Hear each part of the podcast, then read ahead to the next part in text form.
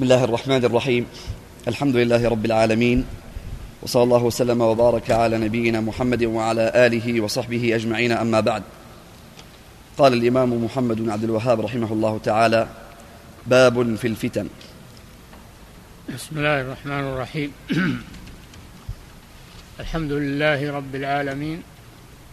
صلى الله وسلم على نبينا محمد وعلى آله وأصحابه أجمعين. قال رحمه الله باب في الفتن أي في ذكر ما ورد من الأحاديث فيما يقع من الفتن في هذه الأمة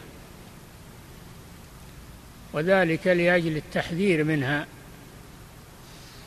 لأن النبي صلى الله عليه وسلم ذكرها لأجل التحذير منها وأن الإنسان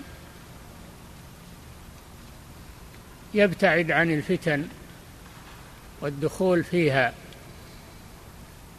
ومن أجل أن يصبر على ما يصيبه في دينه لأن الله سنة الله جل وعلا في عباده أنه يمتحن الناس يعني يختبرهم والفتن جمع فتنة وهي الاختبار. الله يختبر عباده ليتبين الصادق من الكاذب والمؤمن من المنافق. قال تعالى ألف بسم الله الرحمن الرحيم. ألف لام ميم. حسب الناس أن يتركوا أن يقولوا آمنا وهم لا يفتنون. ولقد فتنا الذين من قبلهم. فليعلمن الله الذين صدقوا وليعلمن الكاذبين. الله جل وعلا يعلم في الأزل كل ما يكون ولكن هذا علم خاص. العلم العام هذا في الأزل. علم كل شيء سبحانه وكتبه في اللوح المحفوظ. وإنما هذا علم عند وقوع الشيء يعلم سبحانه وتعالى وقوعه في وقته ويعلم نتائجه. فلو ترك الناس من غير ابتلاء وامتحان لاشتبه المؤمن والمنافق والصادق والكاذب ولا يعلم هذا من هذا.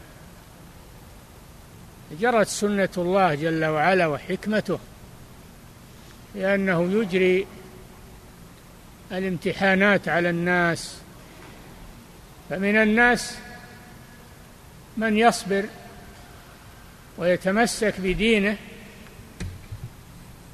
مهما ناله من الفتن والمشاق وتكون العاقبة للمتقين. ومن الناس من ينحرف عند الفتن ينحرف عن دينه. لأنه من الأول ما كان على أساس صحيح.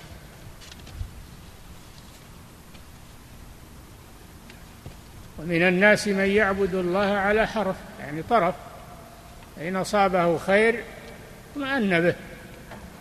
وإن أصابته فتنة انقلب على عقبيه خسر الدنيا والآخرة. ذلك هو الخسران المبين. تبين من هذا ما لله جل وعلا من الحكمة في إجراء الفتن على العباد. نعم. قال رحمه الله عن أبي هريرة رضي الله عنه أنه قال قال رسول الله صلى الله عليه وسلم بادروا بالأعمال فتنا كقطع الليل المظلم. يصبح الرجل مؤمنا ويمسي كافرا ويمسي مؤمنا ويصبح كافرا يبيع دينه بعرض من الدنيا رواه مسلم. قال صلى الله عليه وسلم بادروا بالأعمال. أي لا تؤخروا الأعمال الصالحة بل بادروا بها لأنكم لا تدرون ما يعرض لكم. ولا يؤجل الإنسان العمل الصالح بل يبادر إليه لئلا يفوته. لأنها ستكون فتن تصرف الناس عن الأعمال الصالحة إلا من ثبته الله عز وجل. قوله فتنا منصوب على أنه مفعول للمبادرة. وهذا فيه أن الإنسان يتمسك بدينه عند الفتن ويلجأ إلى الأعمال الصالحة يشتغل بعبادة ربه ولا تصرفه الفتن عن ذلك. قليل من يثبت عند الفتن إلا من ثبته الله وتمسك بالأعمال الصالحة. نعم.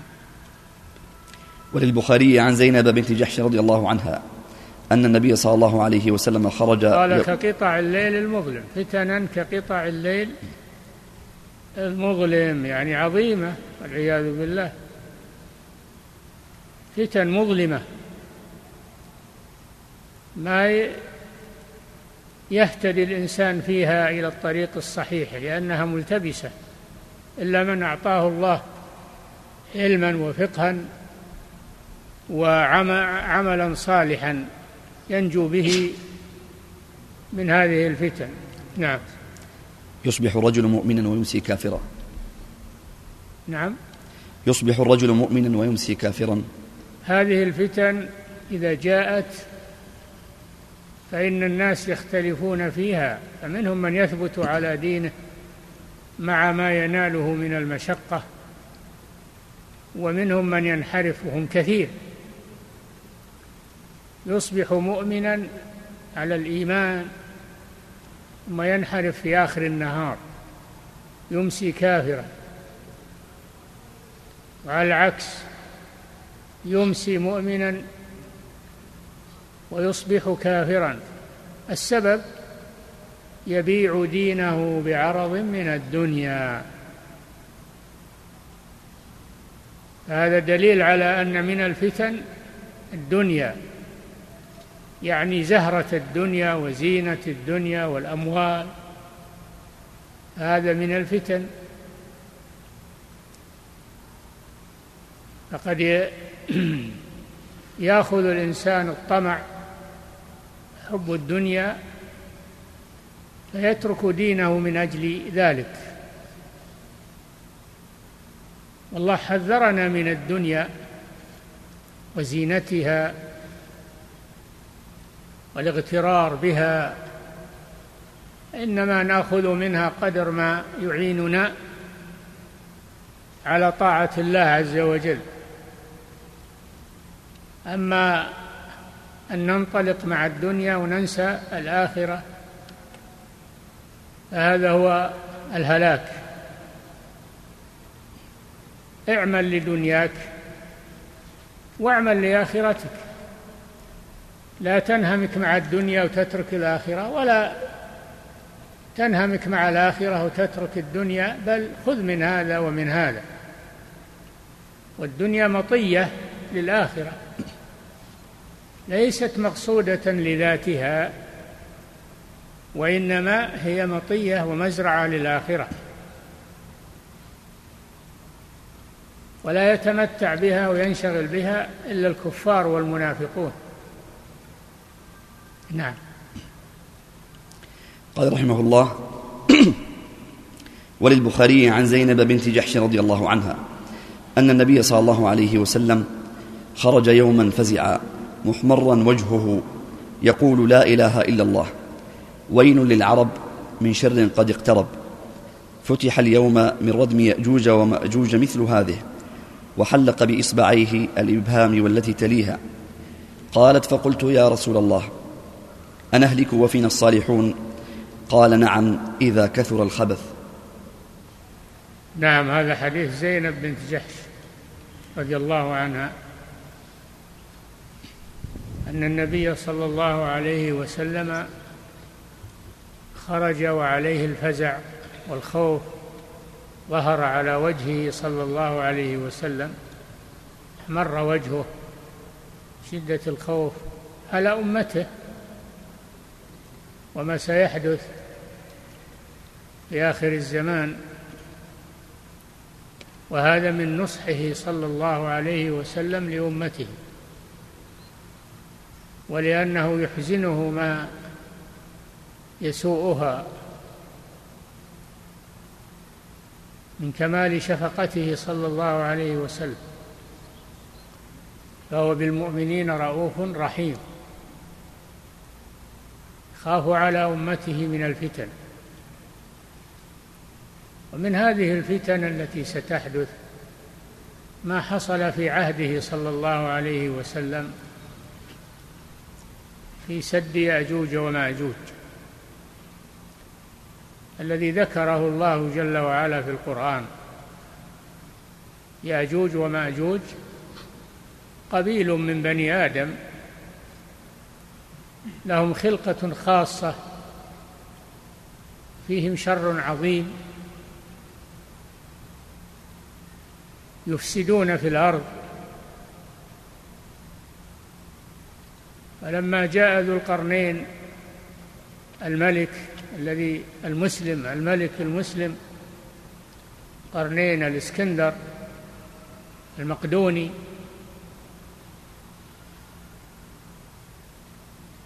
لما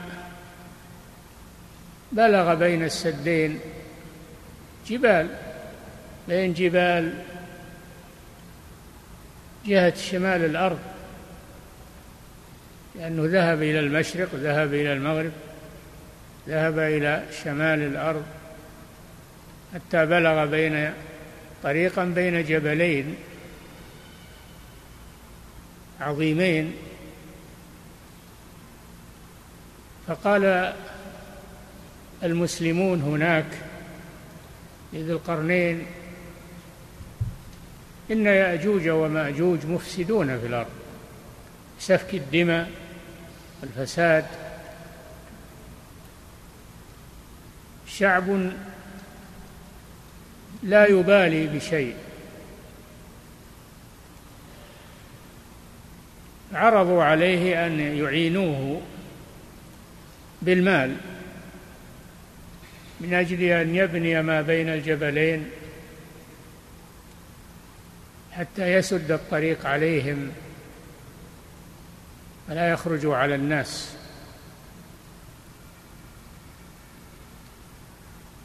فهو قال ما آتاني الله آه، فهو قال لهم إني لست بحاجة إلى المساعدة المالية. ما مكني فيه ربي خير عنده استعداد من جهة المال.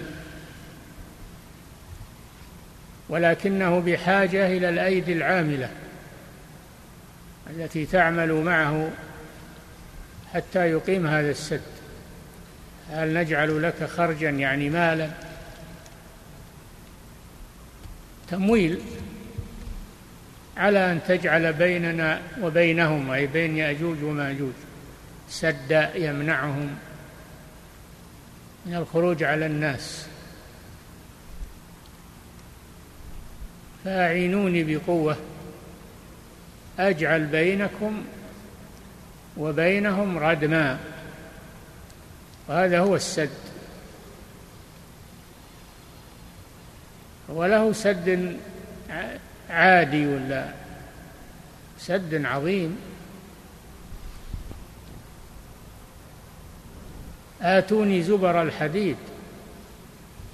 حتى إذا ساوى بين الصدفين قال انفخوا حتى إذا جعله نارا قال آتوني يفرغ عليه قطرا أي نحاسا. ففعل هذا وأعانوه. فسد عليهم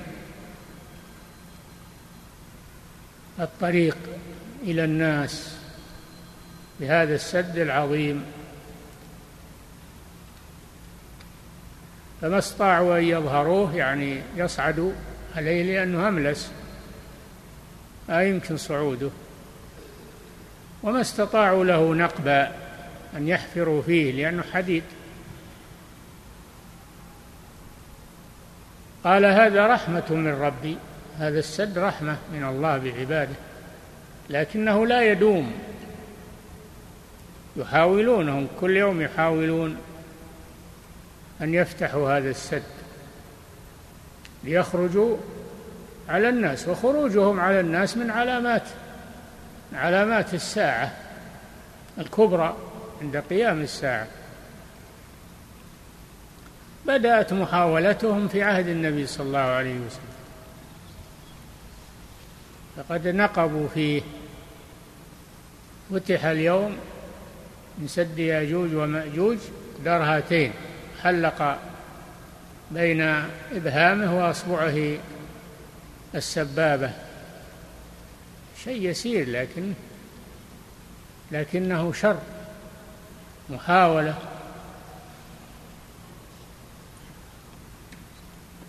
ولهذا إذا جاء آخر الزمان وجاء الموعد جعله دكاء. هذا رحمة من ربي.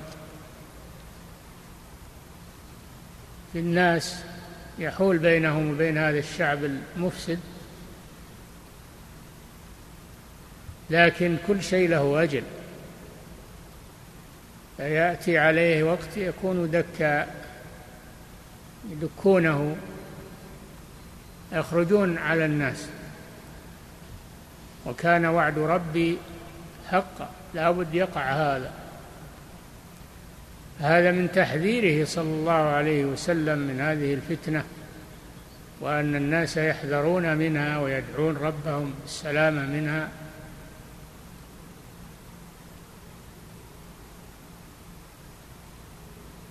جعله دكاء وكان وعد ربي حقا. وتركنا بعضهم يومئذ يعني الناس مع ياجوج وماجوج تركنا بعضهم يومئذ يموج في بعض والعياذ بالله.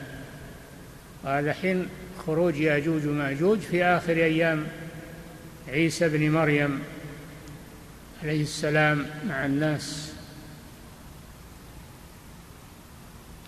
فيعيثون في الأرض فسادا ويتحصن المسلمون مع عيسى عليه السلام. في مكان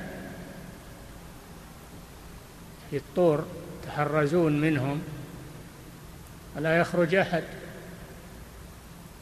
من خرج قتلوه وآذوه. بينما هم كذلك في الضيق والشدة. إذ أرسل الله مرضا على هذا الجند الخبيث فهلكوا عن آخرهم. صلى الله عليهم مرضا يسمى النغف في رقابهم فيهلكون عن آخرهم؟ استريح المسلمون. لكن بعد الفتن والشر وبعد ما يهلك من يهلك على أيديهم. يخرج المسلمون من الحصار حين ذاك. هذه قصة ياجوج وماجوج. نعم.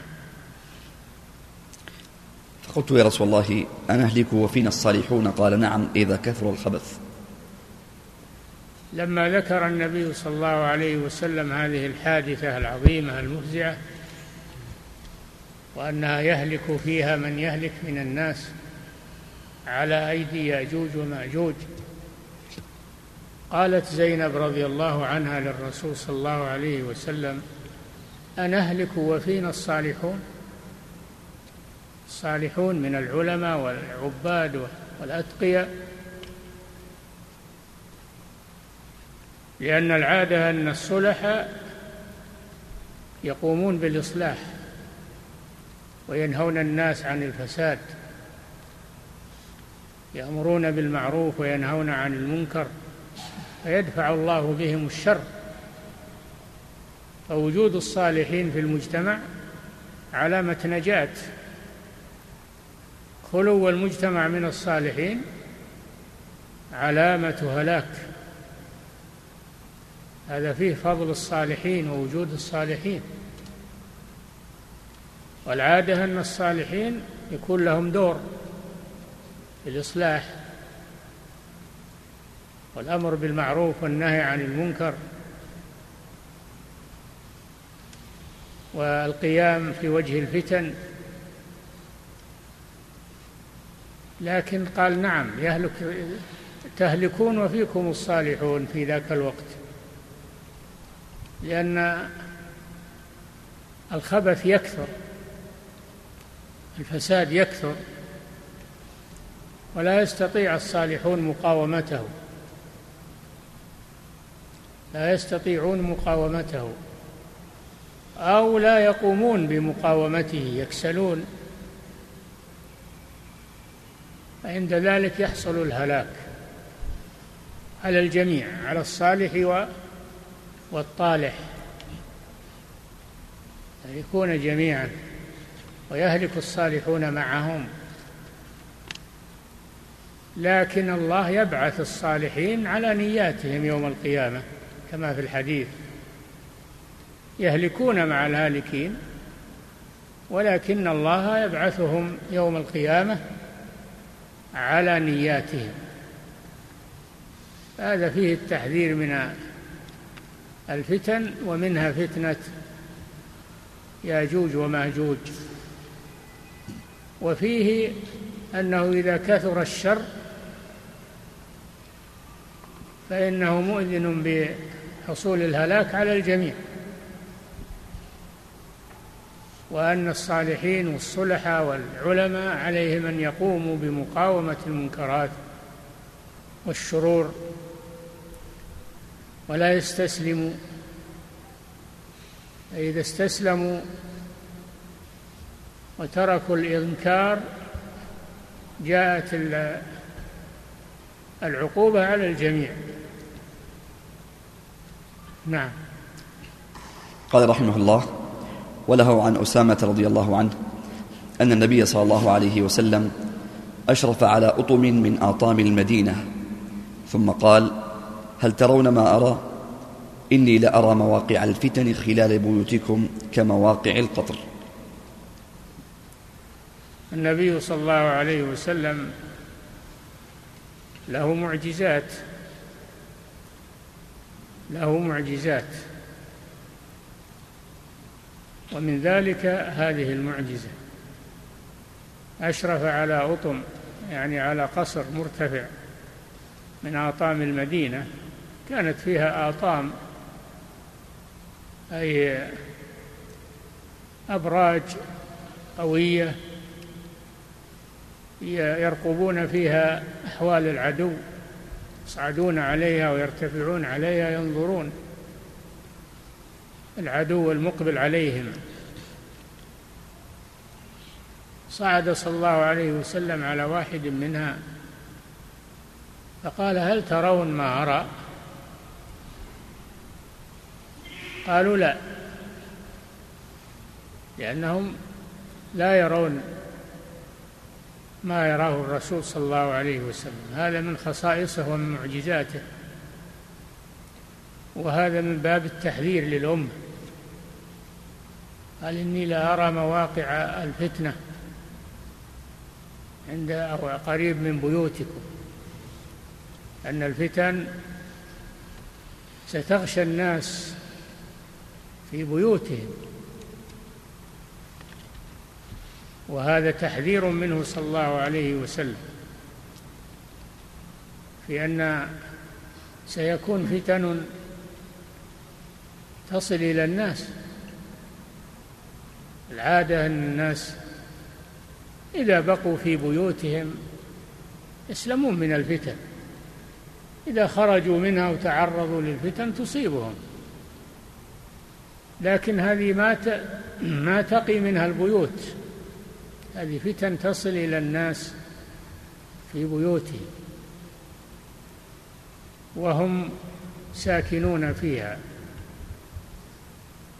وهذا والله أعلم. في آخر الزمان إذا تطورت وسائل الإعلام والبث الفضائي والأقمار الصناعية كما يقولون فإن الشر ينتقل معها بسهولة ويصل إلى البيوت. بواسطة الشاشات بواسطة المعدات التي تنقل الأحداث ينظر إليها الإنسان وهو في بيته وهو في أقصى الأرض كأنه حاضر عنده. صلى الله عليه وسلم لا ينطق عن الهوى وأن هذا شيء سيحصل وأن الفتن ستغزو البيوت تدخل عليها.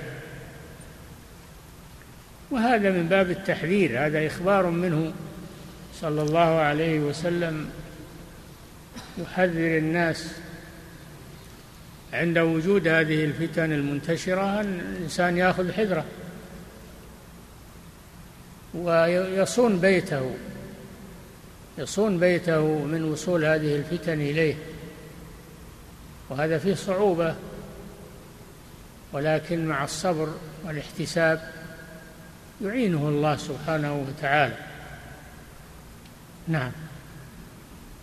ولمسلم عن سالم بن عبد الله رضي الله عنهما أنه قال يا أهل العراق ما أسألكم الصغيرة وما أركبكم الكبيرة؟ أركبكم. ما أسألكم الصغيرة وما أركبكم الكبيرة؟ قال سمعت أبي عبد الله بن عمر يقول سمعت رسول الله صلى الله عليه وسلم يقول إن الفتنة تجيء منها هنا وأومأ بيده نحو المشرق من حيث يطلع قرن الشيطان وأنتم يضرب بعضكم رقاب بعض وإنما قتل موسى الذي قتل من آل فرعون خطأ فقال الله له وقتلت نفسا فنجيناك من الغم وفتناك فتونا. نعم هذا سالم بن عبد الله بن عمر بن الخطاب رضي الله تعالى عنهم. ينكر على أهل العراق ما يحدث منهم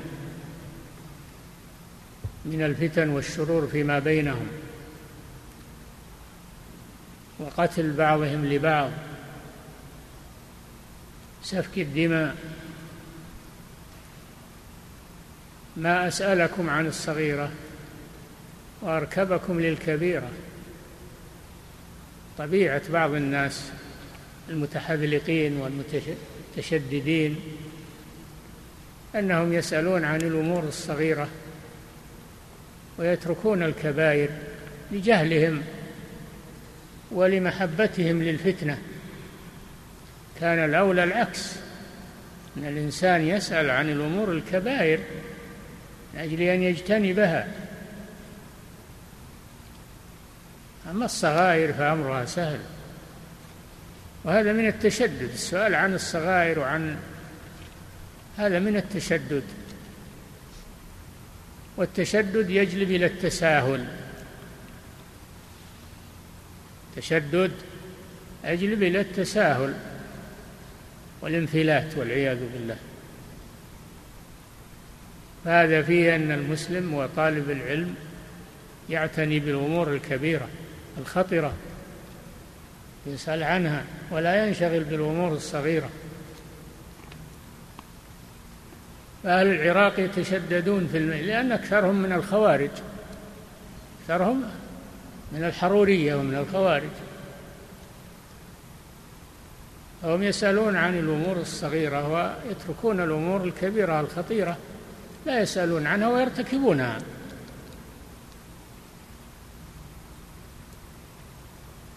في رواية يقول تسألون عن دم البعوض وتقتلون الحسين ابن علي بن أبي طالب رضي الله عنه الذي قتلوه هم أهل العراق.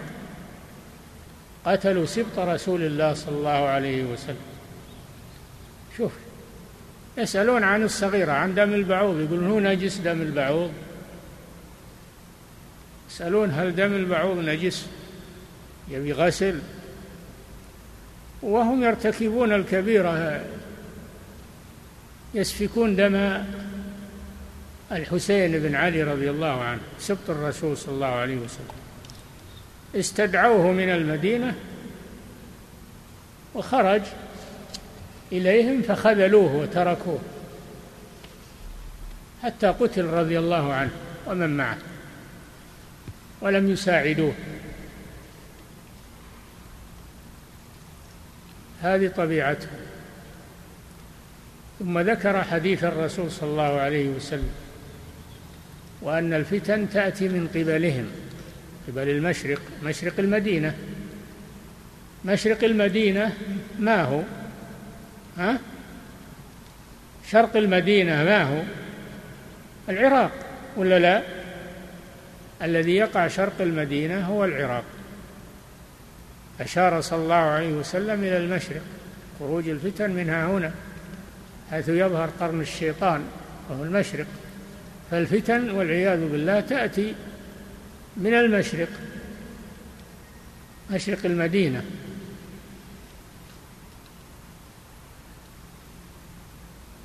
فهذا فيها الإنكار عن التشدد في الأمور الصغيرة والتساهل في الأمور الكبيرة.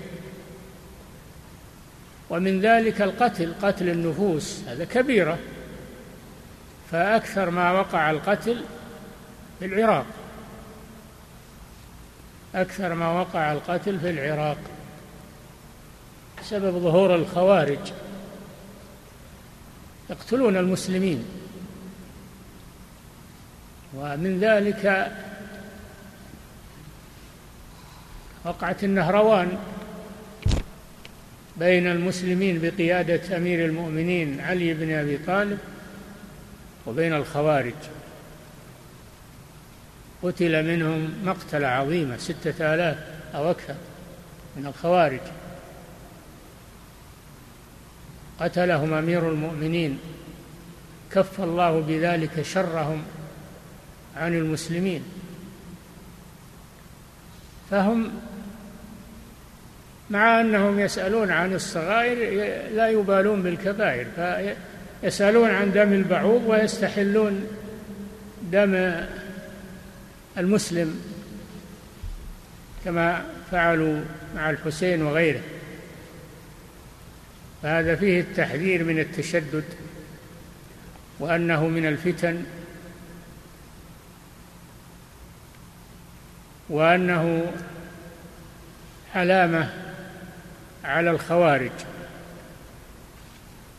هذا دأبهم يسألون عن الصغائر وينتهكون الكبائر والعياذ بالله.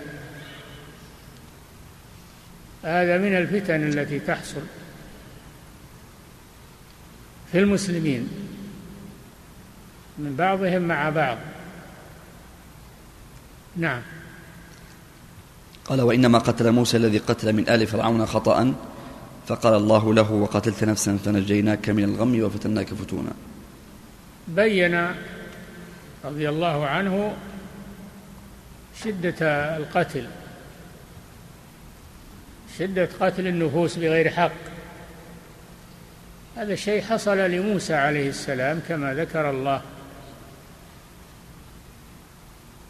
كما ذكر الله في قصته. موسى عليه السلام تربى في بيت فرعون وكان رجلا قويا مهابا. هيأه الله جل وعلا لحمل الرسالة فنشأ نشأة قوية. في ذات يوم جاء يمشي فوجد في المدينة رجلين يقتتلان يتضاربان واحد من بني إسرائيل من جماعة موسى عليه السلام. والثاني من من القبط جماعة فرعون. هذا من شيعته أي من بني إسرائيل وهذا من عدوه يعني من من آل فرعون. استغاثه الذي من شيعته استغاث بموسى. هذا فيه دليل على أن الاستغاثة بالمخلوق فيما يقدر عليه. الاستغاثة بالمخلوق فيما يقدر عليه جائز. والاستغاثة طلب الغوث عند الشدة. ومن عادة موسى وكرمه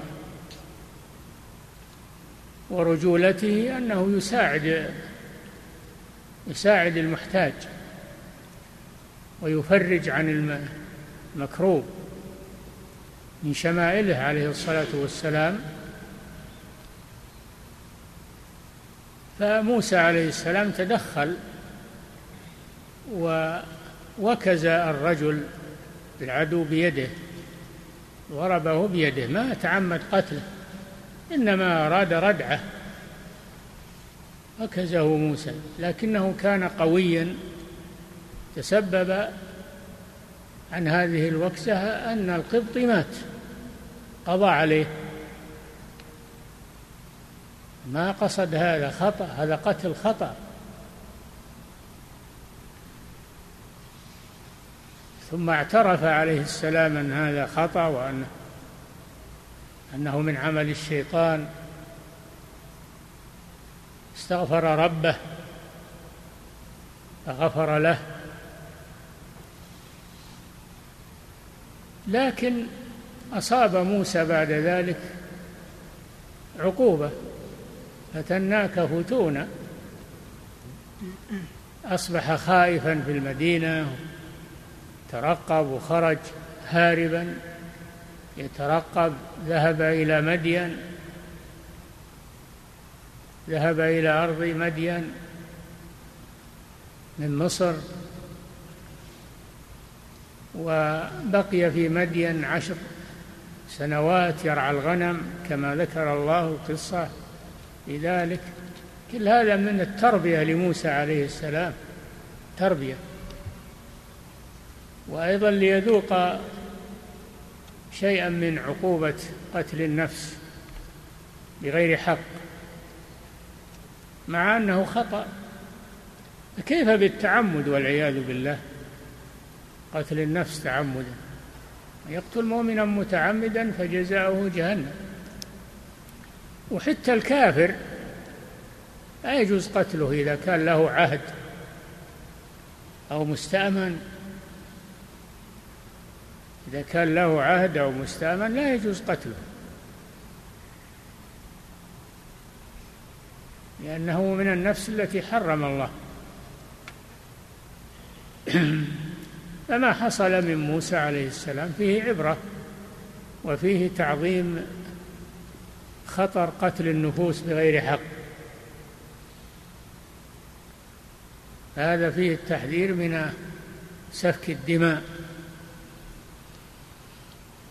سفك دماء المسلمين وسفك دماء الذين لهم عهد عند المسلمين أو حرمة أو أمان عند المسلمين. أنه أمر خطير والعياذ بالله. نعم. وله عن معقل بن يسار رضي الله عنه عن النبي صلى الله عليه وسلم أنه قال العبادة في الهرج كهجرة إلي. نعم العبادة في الهرج يعني وقت الفتن وسفك الدماء الإنسان يعتزلها ويشتغل بالعبادة بعبادة ربه. هذا فيه الحث للمسلم عندما تحدث فتن بين المسلمين ألا يدخل فيها. وأن يشتغل بعبادة ربه. وهذا هجرة. الهجرة في اللغة هي الترك والانتقال من حالة إلى حالة. فهو يترك دخول في الهرج والقتل يشتغل بعبادة ربه. هذه هجرة. هجرة كالهجرة إلى الرسول صلى الله عليه وسلم. فالهجرة من من الهرج إلى العبادة كالهجرة إلى الرسول صلى الله عليه وسلم في حياته. الهجرة المعروفة العظيمة. لما هاجر الصحابة معه إلى المدينة. لنصرة دين الله عز وجل. والهجرة في اللغة الترك. منها ترك الوطن فرارا بالدين ومنها ترك الفتن إلى السنة. ترك القتل بين الناس إلى العبادة هذا نوع من الهجرة. نعم. ولمسلم عن ابن عمرو رضي الله عنهما. أن رسول الله صلى الله عليه وسلم قال إذا فتحت عليكم فارس والروم أي قوم أنتم؟ قال عبد الرحمن بن عوف نكون كما أمر الله. قال النبي صلى الله عليه وسلم أو غير ذلك؟ تتنافسون ثم تتحاسدون ثم ثم تتدابرون ثم تتباغضون أو نحو ذلك. ثم تنطلقون في مساكن المهاجرين فتجعلون بعضهم على رقاب بعض.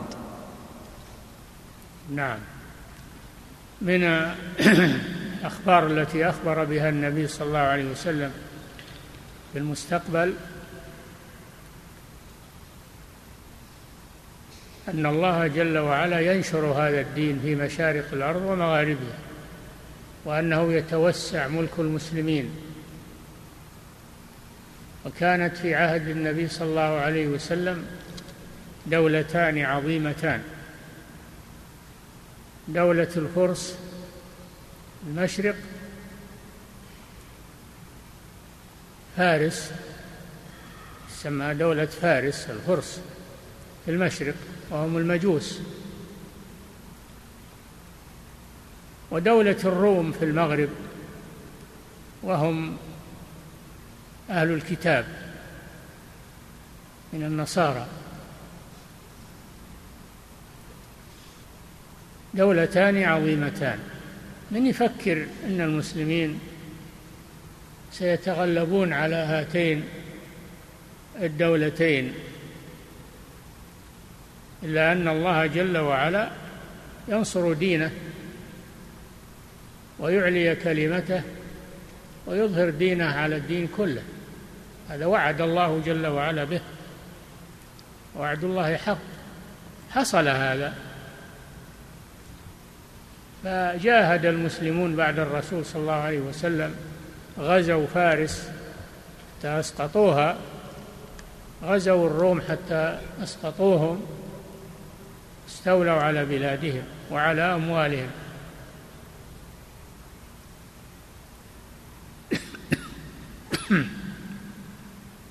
لكن سأل النبي صلى الله عليه وسلم أصحابه كيف تكونون في هذا الوقت؟ وهذا فيه التحذير من انفتاح الدنيا. فيه التحذير من انفتاح الدنيا لأن جاء على أثر هذه الفتوح أن كثرت الأموال عند المسلمين. فاض عليهم المال من كنوز كسرى ملك الفرس كنوز قيصر ملك الروم. فاضت الأموال والأموال فتنة. إنما أموالكم وأولادكم فتنة. كيف تكونون في هذا الوقت؟ يسأل المسلمين. يعني هل تبقون على دينكم أو تنحرفون عنه مع الدنيا؟ قال عبد الرحمن بن عوف رضي الله تعالى عنه يحسن الظن. عبد الرحمن يحسن الظن. قال نكون على خير. يعني نستعين بهذه الأموال على طاعة الله وعلى الجهاد في سبيل الله. هذا ما كان يؤمله الرحمن بن عوف الصحابي الجليل. قال أو غير ذلك؟ أي غير ما تقول. بل الأمر سيكون غير ما تقول. ما هو؟ أنه سيكون هناك فتنة بين المسلمين. تنافسون الدنيا إذا فتحت عليهم الدنيا يتنافسونها. كل يريد أن يأخذها عن الآخر يستولي عليها. ثم ينشأ عن هذا التحاسد والقطيعة بين المسلمين من أجل الدنيا. ثم يتطور الأمر إلى القتل. تتقاتلون على الدنيا. فهذا فيه التحذير من الرسول صلى الله عليه وسلم. فيه اولا علم من أعلام نبوته صلى الله عليه وسلم أنها ستسقط دولة الفرس دولة الروم بيد المسلمين. من كان يؤمل هذا؟ المسلمون كانوا أقلية مستضعفون في الأرض. أنهم في وقت سيظهرون وسي من يؤمل هذا؟ أخبر صلى الله عليه وسلم أنه سيكون. وكان وهذا من علامات نبوته صلى الله عليه وسلم. لكنه حذر مما يحدث عند ذلك من الفتن من التحاسد من التنافس على الدنيا. من الانشغال بها من التحاسد فيما بينهم حتى يؤول الأمر إلى سفك الدماء فيما بينهم. فالرسول حذر أمته عند ذلك حذرهم من هذا الخطر المستقبل. وقد حصل ما توقعه صلى الله عليه وسلم. لأنه لا ينطق عن الهوى. وقد بين لأمته كل شيء. ما كما يأتي في الحديث ما ترك شيئا إلا بينه. الشر حذرهم منه والخير رغبهم فيه. ما كان من نبي إلا دل أمته على خير ما يعلمه لهم. حذرهم من شر ما يعلمه لهم وهذا من النصح للأمة من نصحه صلى الله عليه وسلم. ففيه أولا إخبار بشيء من المغيبات وهذا من معجزاته صلى الله عليه وسلم. وفيه ثانيا التحذير من الفتنة فتنة توسع الدنيا على الناس وأنها خطر على على الدين. نعم.